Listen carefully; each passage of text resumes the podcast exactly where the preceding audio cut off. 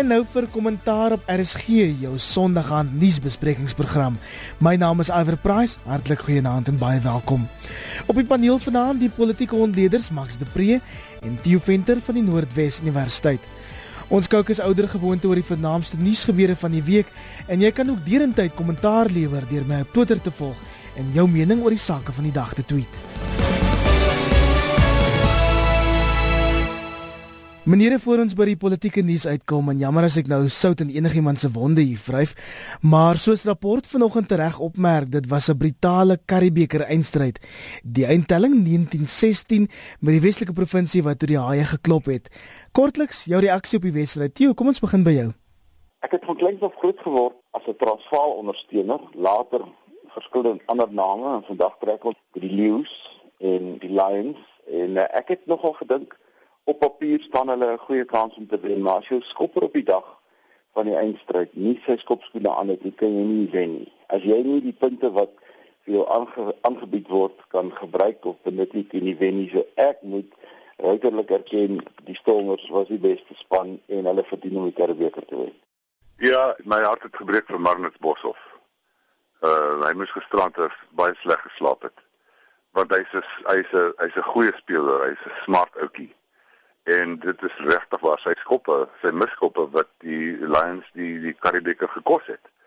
Maar as 'n kapenaar is lekker om weer te sien die die bekertjie kom hierdie kant toe. Hy's maar skaars hier. En uh dit was 'n goeie Karibeker seisoen. Dit wys net hierdie kompetisie is nie dood nie. Hier na die Super 15 wat hulle so deesdae noem, sê almal ja, wel nou is die rugby verby.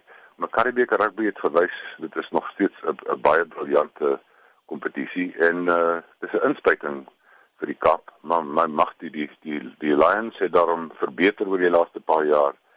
En nou moet ons kyk wat gebeur uh wanneer ons die ander uh, franchises aanpak met die superreeks. Ja. Hey.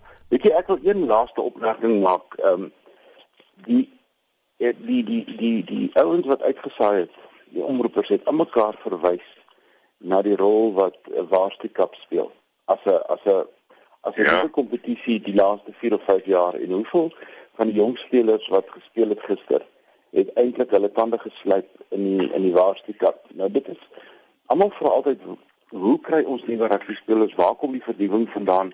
Wel hier is een van die antwoorde met met jong spelers op universiteit en ek dink as cricket en sokker 'n uh, 'n uh, blaadjie wil neem uit rugby se ontwikkelingsstrategie, daar lê dit gaan gaan soek by die universiteite vir jong dinamiese spelers. Hulle gaan nie almal daar kry nie, maar hulle gaan 'n groot klomp daar kry. Klink my as jy die antwoorde oor die rugby nie, maar nie noodwendig oor die politieke nuus nie. Nou vir die geheime vergadering die week in die Drakensberg en beeld sê dit lyk of al die vrese oor die regering se raamwerk ooreenkoms met Rusland om kernkragsentrales in Suid-Afrika te bou besig is om waar te word. Max die russe van die maatskappy Rosatom het sedert maandag 'n geheime vergadering daaroor bygewoon en dis toe nou nie so 'n oop tenderproses soos wat die regering ons probeer oortuig het nie. Maar dit is regtig waar onhoudbaar die, die speletjie wat die regering besig is om te speel. Want eers kom daar die vinnige ontmoeting tussen Zuma en Putin uh waar geen verklaringe uitgereik is oor nie en toe kom ons agter maar hulle het hier oor gepraat en toe teken uh Tina Juma Petersen die die on, die ooreenkomste met hulle en toe ons in Suid-Afrika begin skreeu en raas daaroor, toe skielik praat hulle met Frankryk en Korea en Amerika en ander plekke en sê maar ons kyk nog rond. En ek begin vermoed hulle lieg vir ons. En dit is regtig waar onder waar ons praat van 'n triljoen rand hier. En hierdie ding wat nou die geheime oor geheime ontmoeting het my baie ontstel. En dit beteken die regering is besig om agter die belastingbetalers rug deals te doen in die skaduwees. Ons weet wat gebeur met die wapentransaksies, wat gebeur as sulke groot transaksies agter geslote deure sonder dat die son daarop skyn gebeur. En ek dink ons moet en die oppositie en almal met 'n baie groot lawaai hier oor maak. Ehm um, ons moet kyk na Frankryk en as ons dan nou kernkragsentrale moet hê en ek hou nie daarvan nie. Ek dink dit is te veel. Ek dink ons kan op ander maniere 'n plan maak. Uh ek dink ons kan uh heeltemal 'n ander soort uh, ooreenkoms aansluit. Anders gaan ons oor oor 10 jaar meer as die dubbel vir ons elektrisiteit betaal as wat ons nou betaal Maar hierdie ding moet stopgesit word en miskien moet uh, die DA of iemand uh, hof toe gaan en sê julle mag nie hierdie soort van private ooreenkomste aangaan uh, met so verskriklik baie staatsgeld nie. Ons praat hier van 'n transaksie van miljarde rande, Tio, wat selfs hy wapentransaksie na klein geld laat lyk soos Max nou reg opgemerk het. Nee, ek stem met Max heeltemal saam. Ek wil ek wil so drie opmerkings hieroor maak. In die eerste plek is in dieselfde week wat hulle nou daar in die Drakensberg ontmoet het, het het meneer Nene sy sy sy klein begroting ingedien of die of die medium termyn begroting wat eintlik 'n rollende plan is vir die volgende 3 jaar om en by 'n triljoen rand. Dis ons nasionale begroting. Nou dink jouself in as jy kernkragsentrale wil bou op 'n transaksie wat nie eens duidelik is nie met 'n land wie se agtergrond Chernobyl is en dies meer. As 'n mens mooi oor die wêreld gaan kyk oor wie bou veilige krag ag kernkragsentrale, dan staan Frankryk uit as een van die groot suksesverhale in die wêreld en ons gaan speel woer woer met 'n land wie se tegnologie 'n klein bietjie onder verdenking staan. Die tweede plek, ons doen soveel vordering op die oomblik op groen energie. Ons het ons hierse ontploffing in sonkragenergie, die ontploffing in windenergie. As ons kyk wat Duitsland regkry, dat Duitsland ja. besig is om al sy kernkragsentrale te vervang met windkrag. En 'n mens gaan in Suid-Afrika byvoorbeeld net na die Boesmanland waar die wind 9:00 in die oggend opsteek en hou hy aan waai tot laat vannag kan ons baie van hierdie goed wat hulle tans beplan kan ons op 'n ander manier doen en as ons na 'n ander onpopulêre oplossing kyk naamlik ehm um, hidrobreking en die gas wat ons daaruit kan kry is minder skadelik dink ek as wat mense kyk na die koste vir klein ekonomie soos kernkrag. So ek stem heeltemal saam en ek dink gewoon dit is 'n koste wat ons as 'n land nie kan bekostig nie op verskillende terreine, nie net finansiëel nie, maar ook omgewingsgewys. Max, wil jy nog daarop uitbrei? Ja, ek dink uh, ek dink dis iets wat ons land kan breek hier. So groot is dit. En en en en as ons weer met so 'n skandaal soos die wapenskandaal te doen het, gaan dit ons politieke strukture so ondermyn dat ons ons ons stabiliteit in in gevaar gaan wees. Ehm um, ons kan nie weer iets bekostig soos die wapenskandaal nie. Kyk hoe nou al meer as 'n dekade lank hoe ondermyn dit almal in ons sittende president wat meeste van sy energie spandeer om uit die uit die uit die hof uit te bly oor die wapenskandaal. En niemand glo die regering dat hulle skoon uh, transaksies gedoen het nie. En nou gaan ons weer in so iets in. Dis die een kant. Uh en die ander kant is net uh ons het nou met uh, minister Nene gesien die regering is min of meer bankrot. Soos dit nou lyk, gaan ons oor uh, 18 maande of 2 jaar gaan 50% van ons bruto binnelandse produk staatsskuld wees. Ehm um, nou gooi ons nou hier nog 'n triljoen rand by. Ehm um, hoe gaan ons dan lyk? So on, ons is besig om ons land uh, uit te verkoop en ons kinders en ons kleinkinders gaan hier duurvoor betaal. En ek stem saam. Hier is 'n klomp mense wat uh, groot monde het wat sê maar groen energie werk nie en en steel is presies wat ek gaan kyk na wat Duitsland doen. Duitsland is een van die mees suksesvolle lande in die wêreld in die geskiedenis. Hulle gaan nie so iets doen as dit te duur is, as dit nie werk nie. Ehm um, en as jy kyk na die bedrag geld waarvan ons praat met kernkrag, magties man dan ons sit met al die wind en al die son wat jy kan droom. Vat die helfte van daai geld en wees weer 'n slag voorloper in die wêreld en spandeer dit alles aan groen krag.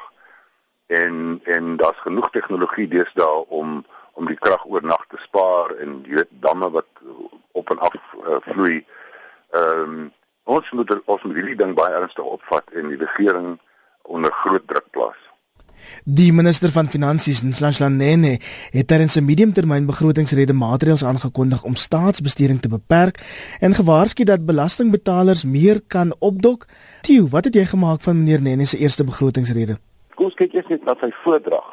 Hy hy gaan voort in die ou tradisie wat eintlik so goed gevestig is deur ehm deur sy deur sy voorgangers om om eintlik 'n soort van 'n tienervolle aanbieding te doen. Ehm um, hy doen dit. Hy hy het kwai oë wat hy van tyd tot tyd maak. Hy herhaal sekere goeters. Dis dis half prettig om daarna te luister. Dis nou dis nou aan die aan die sagte kant van sy toespraak. Aan die harde kant van sy toespraak, dit was 'n kort toespraak. En die kort toespraak steek eintlik 'n groot groot klomp goed weg. Ons groei, ons groei is afwaarts aangepas. Die verwagtinge dat ons skuldvlakke gaan verhoog soos Max net nou reeds gesê het is is reeds daar. Dit word nie vooruitgestel die grootste enkele ding wat ek opgetel het was dat die staat gaan hierdie jaar in die finansiële jaar minder BTW in as wat hy geprojekteer het. Nou dit het in die laaste 20 jaar nog nie een keer gebeur nie. Dis die eerste keer wat dit gebeur dat BTW minder gaan wees as wat die staat beoog. Dit wil sê die ekonomie groei stadiger en dit wil sê ek en jy koop minder want as mense minder koop is daar minder BTW. Dit beteken ons is in 'n groot tyd. Nou kom die besparings aan. Ongelukkig moet ek sê dis dieselfde aankondigings wat Pravin in van sy laaste toesprake gemaak het en die minister sou nog steeds eerste klas en die besparings op brandstof is nog steeds nie daar nie en die slegste nuus is Nene het op 'n stadium gepraat en toe wyk hy van sy toespraak af en toe kyk hy vir die parlementariërs en sê hy ons sal bespaar het hy in Engels gesê maar ons sal dit nie doen ten koste van die armste van die armstes nie. En toe gaan hy aan. Nou in praktyk as jy sê mense in bestuurders en wat ook al moet minder spandeer aan reiskoste en dis net wat doen hulle? Hulle ring minder nie. Hulle wentel daai verpligting af onder toe. So wat gebeur uiteindelik? Die ouens wat moet gaan Ficksburg wat in Ficksburg bly in die hospitaal en moet gaan kos kry in Bethlehem om vir die arme mense kos te gee. Hulle kan nie meer ry nie want hulle het nie reiskoste nie. Dis wat gebeur. So ten spyte van wat die minister ehm um, gesê het, nie ten koste van die armste van die armstes nie, is dit presies waar die besparings van plaasvind. Hy het ook 'n paar dinge gesê oor die Suid-Afrikaanse lugdiens Eskom en die poskantoor wat onder sy leiding vir eers ten minste kan vergeet van verdere reddingspakkette en waarborge Max. En daar's slang jy nou 'n ding aan wat baie belangrik is. Ons praat van uh, besparing, die staatsbesteding word word ingekort, maar ons stort nog steeds miljarde uh in Eskom in en in die in die Suid-Afrikaanse lugdiens in. En daar is werklik waar vir my nie meer 'n argument nie. Ek is nie 'n vreeslike privatiseer soort van mens nie, want ek net sien dat dit Sandra al gebeur het in die in die etol etols. Ehm uh, privatisering is nie altyd die antwoord nie, maar die is die Suid-Afrikaanse lugdiens is nou 'n uh, albatros om hierdie land se nek. Dit word swak bestuur, daar het 'n klomp direkteure weer bedank die laaste week uh die verliese is absoluut oorweldigend. Hulle sê hulle gaan nie meer gee nie, maar hulle het sopas weer vir hulle 'n reddingsboei uitgegooi. Die SAL moet geprivatiseer word. Uh ons kan nie langer uh as 'n belastingbetaler bekostig om om dit aan die gang te hou nie. En nou kom minister Lindbrand en sê maar dit is 'n strategiese asset, dis 'n strategiese bate. Ek dink dit is 'n strategiese bate nie. Miskien is water 'n strategiese bate, maar die lugdiens is nie. Uh hulle vlieg nie op plekke wat strategies belangrik is vir die regering se buitelandse beleid of so iets nie. So uh Eskom uh en SAL is die mense wat ons geld uitsuig. Eskom sopas weer aangekondig hulle 43 miljoen rand vir die new age gegee om breakfasts te hou op uh, uh, ANN7 vir volgende 3 jaar. Dit is ongelooflik dit nie ongelukkig. Is absoluut verstommend. Die die die minister se se woorde is nog nie koud nie. Dan word hierdie luxe projekte uitgerol die een na die ander. So hier is die probleem vir my Iwer. Eh uh, Nomsanene Nomsanene is is 'n is 'n knap minister.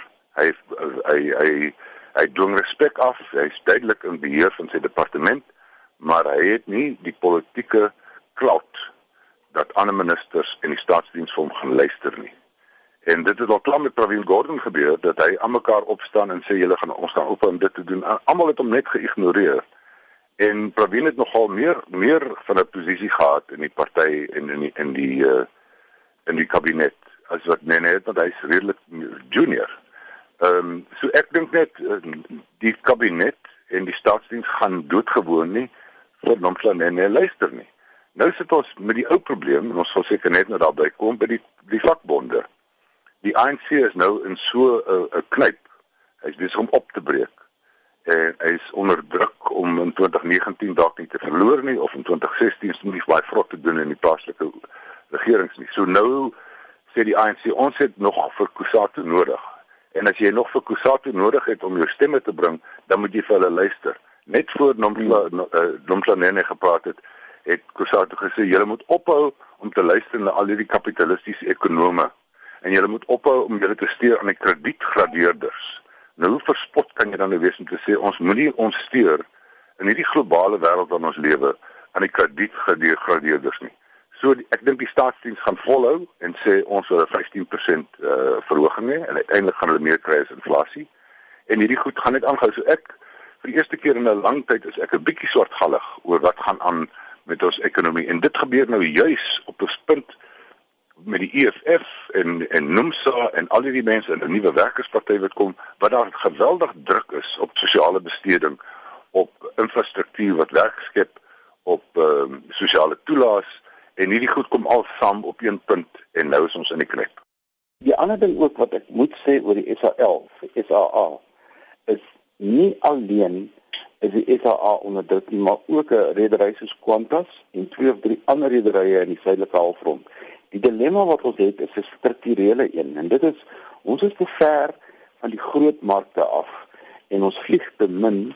Met ander woorde ons praat van ekonomie van skaal om regtig 'n redery suksesvol te bedryf. Wat in die geval van SAL gebeur is dat die binnelandse vlugte veral die volvlugte tussen Kaapstad en Johannesburg en Johannesburg en Durban uh, kry subsidieer eintlik die oorseese vlugte dit moet andersom werk so die SAL se besigheidsplan gaan nooit finansiëel suksesvol wees nie maar die staat het besluit dit is 'n uh, nasionale bates soos Max uitgewys het. So hierdie gaan 'n hierdie gaan 'n daar was 'n storie toe ons die TV net begin het. Toe uh, daar was daar 'n ding op die TV wat genoem was the never ending story van so 'n hond. Nou hierdie ding ja. word 'n never ending story van die SAL en ehm um, ons gaan waarskynlik met hierdie ding sit totdat iemand die insig het dat kom ons kyk of hy werk en as hy nie werk nie kyk hoeveel rederye wat in die ou dae beskou is as nasionale bates. Daar was ehm um, België het 'n redery gehad Holland het 'n redery gehad. Elke land in die wêreld het gevoel hulle wil 'n redery hê want dit vertolk en dit vir dit wys iets illustreer iets van 'n nasionale ehm uh, uh, trots. Ek dink ons is verby daai tye Ons bly by politieke nuus en die geskil tussen die vakbond Federasie Kosatu en Nomsa is van dese week op die spits gedryf met 'n stemming om die vakbond te skors wat ter 11de ure gekanselleer is. Maar die drama is nog lank nie verby nie want klink my Nomsa gaan homself weer iewers in November moet verdedig, Max. 7de November. Ja, en hier sit ons nou weer wat Theo gepraat het van 'n never ending story, jy weet. Hoe ja. lank gaan die gaan die probleme tussen uh Kosatu en Nomsa uh nou al aan en hoe die die egskeiding is mos nou lankal uh onvermydelik. Uh, tussen Nomsa wat nou die grootste vakbond is in in die federasie. Dis dis mos ons weet mos dit is onvermydelik. Nomsa vaar uit teen die president sê hulle mense moet nie vir die ANC stem nie. Hulle sê ook pertinent hulle gaan 'n werkers party 'n werkers en sosialistiese party stig. En Cyril Ramaphosa en dis miskien iets waaroor ons moet praat iwer Cyril Ramaphosa is in baie opsigte ons president op die oomblik.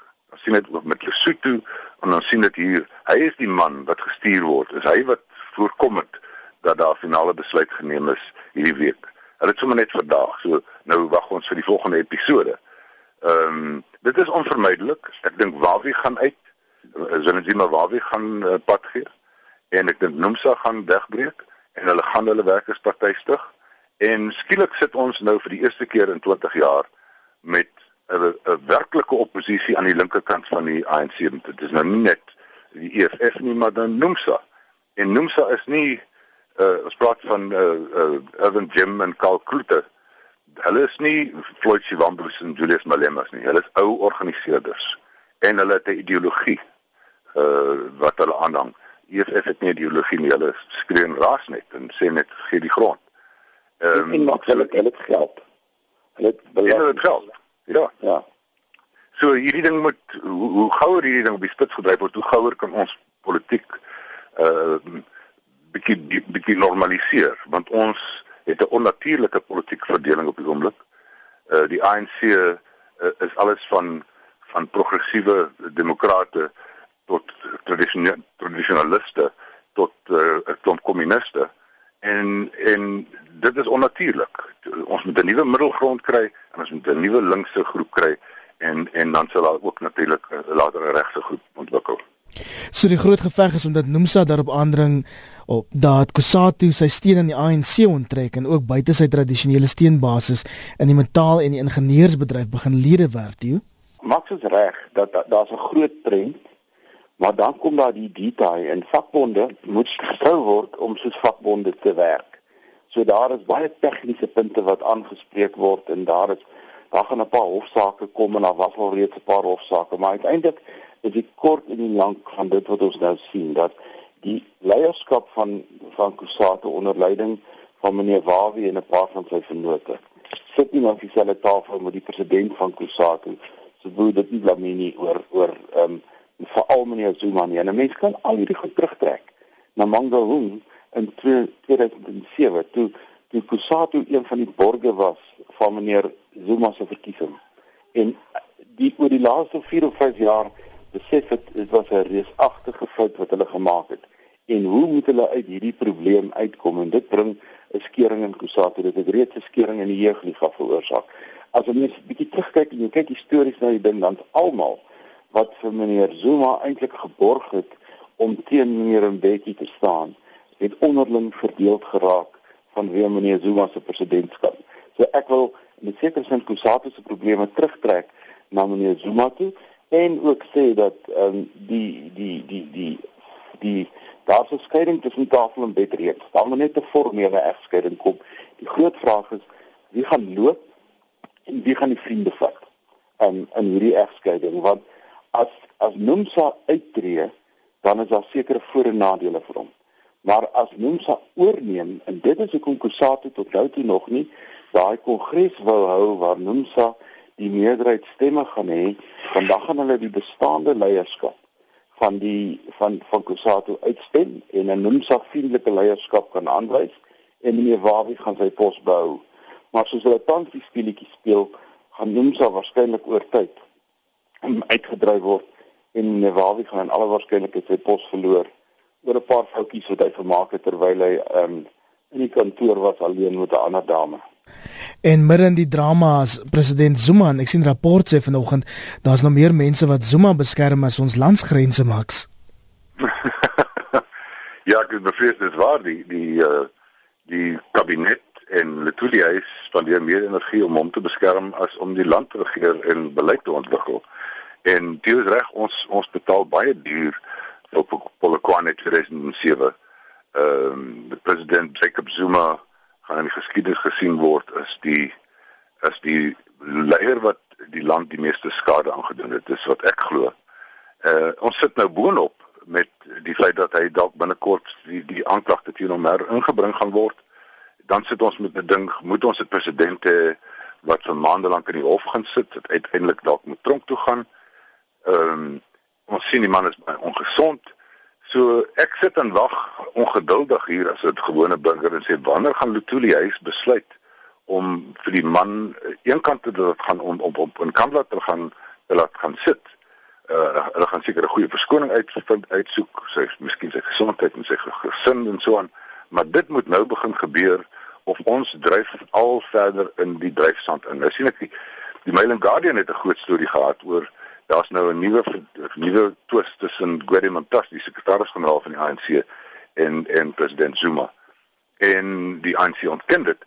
Ek het vermoed dit is waar, ek het ook al paar sulke goedjies al gehoor. Ehm um, en dit gaan ook belangrik wees. Ehm um, maar Jacob Zuma is die is die oorlewer. Oorleef hy hy oorleef alles. En uh, hier sit ons nou met twee swaar gewigte te mekaar want Gwede Mantashe is nie 'n aap nie. Hy hy's 'n slim man, hy's 'n goeie organiseerder, maar miskien sien ons die begin hier van 'n uh, exit strategie vir Jacob Zuma. Ek maak um, daar's twee datums wat baie belangrik is. Ek kom ek weet dat die and Guardian storie het waarskynlik 'n klein bietjie waarheid aan hom. Die die een datum wat ons moet onthou is middel volgende jaar. Middel volgende hmm. jaar moet die ANC 'n nasionale kongres hou, 'n soort van 'n beleidskongres om die besluite wat in Bloemfontein geneem is te te beskou en of die nasionale uitvoerende komitee wel gedoen het wat daai kongres besluit het. Nou as jy reg onthou, so jy onthou dit by so 'n byeenkoms waar Zuma teruggekom het ten spyte daarvan dat 'n bietjie hom gefire het. So dis nie hierdie alhoewel hierdie raadgewende kongresse is, is hulle polities baie betekenisvol. En dan kort daarna, dan is dit die plaaslike regeringsverkiesing in 2016 en dan in 2017 eindig Zuma se se se se tweede termyn as president van die ANC. So ek het 'n idee, die lang politieke messe, anders as wat die regses altyd gepraat het oor die lang messe na Mandela. Ek dink hierdie keer is die lang messe binne die ANC besig om sterk na vore te kom. As ons kan aanbeweeg en die openbare beskermer Tuli Madonsela sê sy sal die hofuitspraak oor die SAIK op hersiening neem wat betref die openbare beskermer se grondwetlike bevoegdhede. En Max advokaat Madonsela sê die grondslag van die Wes-Kaapse Hooggeregshof vir die besluit dat die openbare beskermer se besluit nie bindend is nie, is vir haar nogal verwarrend. Ja, ek dink dit is vir ons almal verwarrend. Ek dink dit is in sigself verwarrend. Uh in die in die wetgewing ehm um, uh, is dit verwarrend wat is presies haar staat die status van haar besluite en aanbevelings. Ek dink nie die regter was verkeerd nie. Soos ek die regter verstaan het, uh, het hy gesê sy is nie 'n hof nie. So sy kan nie 'n bevel gee wat as dit nie uitgevoer word nie die die die polisie moet optree nie. Uh sy wat hy soos ek dit verstaan en ek hoop nie klomp regslei gaan nou my keel afspring nie, uh moet 'n hof haar aanbevelings 'n bevel maak as dit daarop aankom. En ek dink dit is dalk korrek. Ehm um, dit is 'n bietjie van 'n slag vir haar want sy het altyd gesê maar sy is die finale woord. Ek dink uh, dit ek dink nie op die lang duur is dit verskriklik belangrik nie want ek dink uh, hoewe sal altyd sê nee maar uh, die aanbeveling wat sy gemaak word staan en volgens die die uh, grondwet en die wetgewing uh, moet dit uitgevoer word en hiermee maak ons nou 'n bevel. Maar ja, dit is 'n verwarrende situasie. Wat minder verwarrend is is dat uh jou groot baas uh meneer Claudio Matsunen uiteindelik uh geskort gaan word en dit kon nie gouer gebeur het uh as as nou nie en en uh en boonop sit ons nog met die SAK se voorstel van die raad wat die vreemdste mees bizarre speletjie speel met die parlement en met die hof uh om te probeer sê sy mag nie indink wat sy doen. En en en, en nog vernomen Arend se aan haar sy kry om om te, om tyd te koop, maar ek dink ek dink jy's reg. Ek het gisterand of Vrydag aand het ek op Pierre de Vos se blog die hele hofsaak gaan deurlees in soverre as ek die goeters verstaan as 'n as 'n leek. En uh, ek dink Maxie is heeltemal reg. Die regter het het daarin in die in die hofstukke skryf hy as die grondwet wou gehad het Madonsela of die openbare beskermer moet hof wees sou hy so gesê het. So hy het 'n baie ja. hy het 'n baie suiwer ehm um, siening geneem, maar ek dink iets wat jy ook gesê het gaan nou die praktyk word. As die ehm um, uh openbare beskermer bevinding gemaak het, het hy gesê daai bevinding administratief iets wat nie geïgnoreer kan word nie. So jy kan nie net sê jy het 'n bevinding gemaak en dit is van akademiese belang nie. Jy moet iets daarmee doen. En ek dink ehm um, die die pad die iets wat daarmee gedoen gaan word in die toekoms is juis die regsproses om dit daai status en daai uitvoerende krag te gee deur dit na die hoewe te neem en 'n bevinding te maak daaroor. As ons kan aanbeweeg tot ander nuus, ons wil soveel as moontlik inpak vanaand. Die nasionale vervolgingsgesag het dit ontken dat hy besluit het om teen die vonnis in die Oscar Pistorius moordsaak te appeleer en Pistorius is Dinsdag tot 5 jaar tronkstraf gevonnis nadat hy aan strafbare manslag skuldig bevind is. En die land is in rep en roer, Max. Mense is ontevrede oor hierdie vonnis. Ja, ek dink ons ons betaal nou vir die besluit dat hierdie hofsaak uh, op televisie lewend uitgesaai gaan word. Ek dink ons ons gewone medeburgers misverstaan so 'n bietjie wat dit als beteken. Uh, mense tree half op veral op sosiale media asof daar 'n referendum moet wees oor is hierdie man skuldig of nie. En en niemand het mooi geluister vir die regte wat sy gesê het. Dis nie 'n uh, populariteitskompetisie hierdie nie. Die openbare mening uh, kan nie geld hier nie die openbare belang sal dalk geld, maar die openbare mening kan nie hier geld nie. Ek vind dit bitter bitter ongelukkig dat mense regter uh, Tokozile Masipa se se persoonlikheid begin aanval, haar haar uh, bekwaamheid, wat ek van haar gesien het uh, en ek weet weet so 'n bietjie van haar geskiedenis tot nou toe, maar wat ek van haar gesien het in hierdie hofsaak, is sy was 'n korrekte regter, sy's 'n goeie jurist. Sy het koelkop gebly en die vraag is nie of die vonnis hier van 5 jaar te lig is of te swaar is nie. Die vraag is eintlik moes sy hom skuldig bevind het aan moord. En en ons sien daagliks hoe regsprofessore en advokate en prokureurs met mekaar hieroor verskil. En party sê sy was korrek uh om dit strafbare manslag te maak. Ander sê nee, dit moes moord gewees het.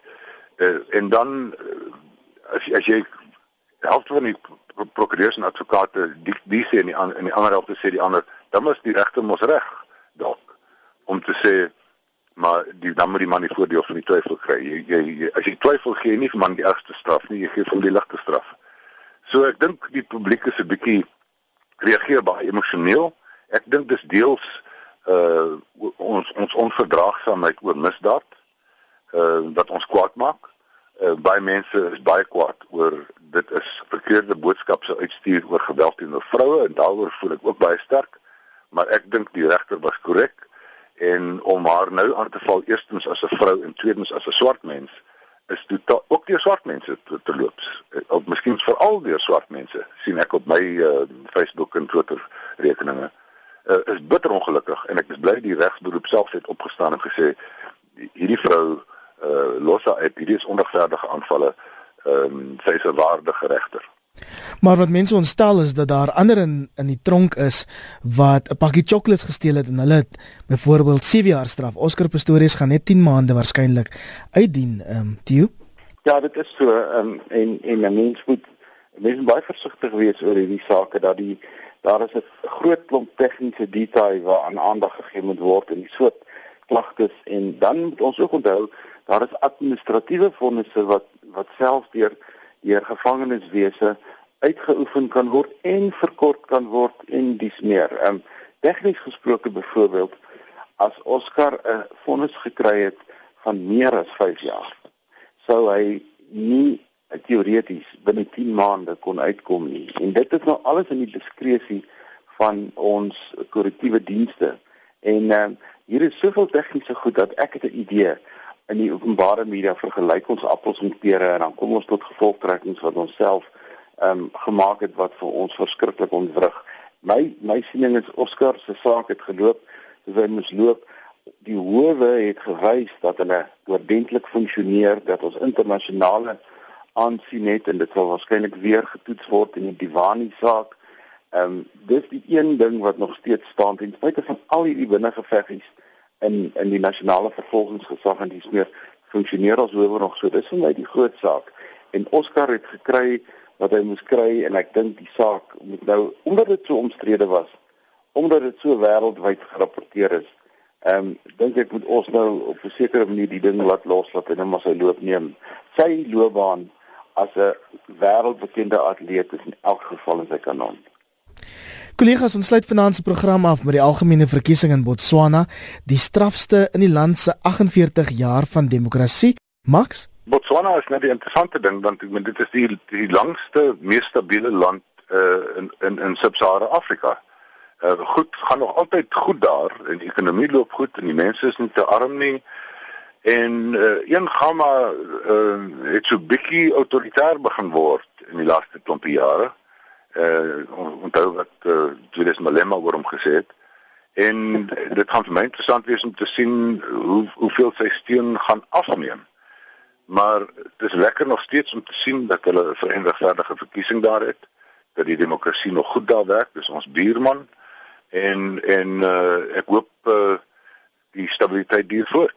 Vir die ou mense wat nou nog die, die ou kiesstelsel onthou, En sal dit 'n nou goeie nuus wees om om te weet Botswana gebruik nog die ou first past the post. Met ander woorde die ou Westminster kiesstelsel wat beteken daar is kiesafdelings en so aan en die uh, party van een Gama het gewen met 29 setels uit 57. Met ander woorde, hy het meer as die helfte van die aantal setels gewen.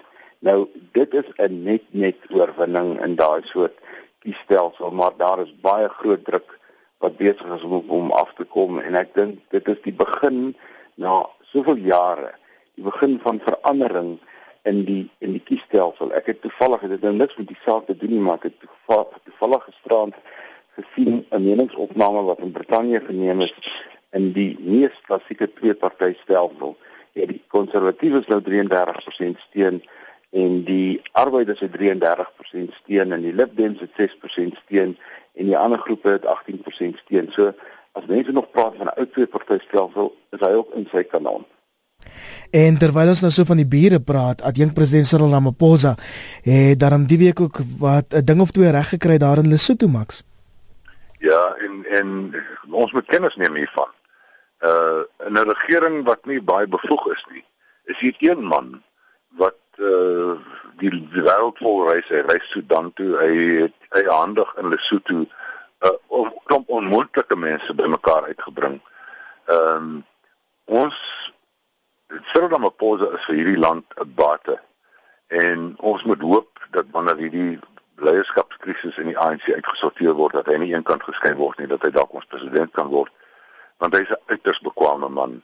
En dis die man wat Kusaka begin het dis die man wat uh, in, in 90 tot 94 uh die die die hoofonderhandelaar was. Hy's 'n bekwame onderhandelaar hy's 'n slim man hy's 'n gerespekteerde mens. Ons sien dit met Kusaka ook maar ook met Lesotho. Ehm um, dis 'n veer in sy hoed alhoewel ek moet sê ek is nie baie oortuig dat dit 'n blywende vrede in Lesotho is nie. Die Ja, ek dink dit is belangrike werk en die die die die oplossing wat hy gekry het, 'n soort van 'n kompromis dat sekere ouens vereers hulle onttrek uit die politiek en dan kan hulle later weer terugkom, stel die noodwendige besluit eintlik net uit. En dit was in 'n groot mate ehm um, Cyril se suksesverhaal in die in die periode 92 tot 94 syne en Rolf Meyer en dit is as jy oor 'n sekere hekkie nie kan kom nie stel hom uit en spring oor die hekkies waaroor jy wel kan kom want as jy dan oor 'n jaar of 2 by daai probleem kom en jy word met hom gekonfronteer is die is die spelers of meer volwasse of hulle die saak oordink en jy kan dan makliker oor daai hekkie kom. En ek dink dis wat hy nou in situ ook gedoen het. Dit werk baie keer maar jong 'n kompromisbesluit um, laat gewoonlik albei kante effe ongelukkig. En dis een van die dilemma's van 'n kompromis maar dit is die politieke werklikheid Dis ongelukkig alwaarvoor ons tyd het vanaand op kommentaar. Baie baie dankie. Aan die politieke ontleeders Max de Pre daar in die Kaap. Dankie goeie En dan ook Theo Venter van die Noordwes Universiteit. Naans het jy Goeienaand almal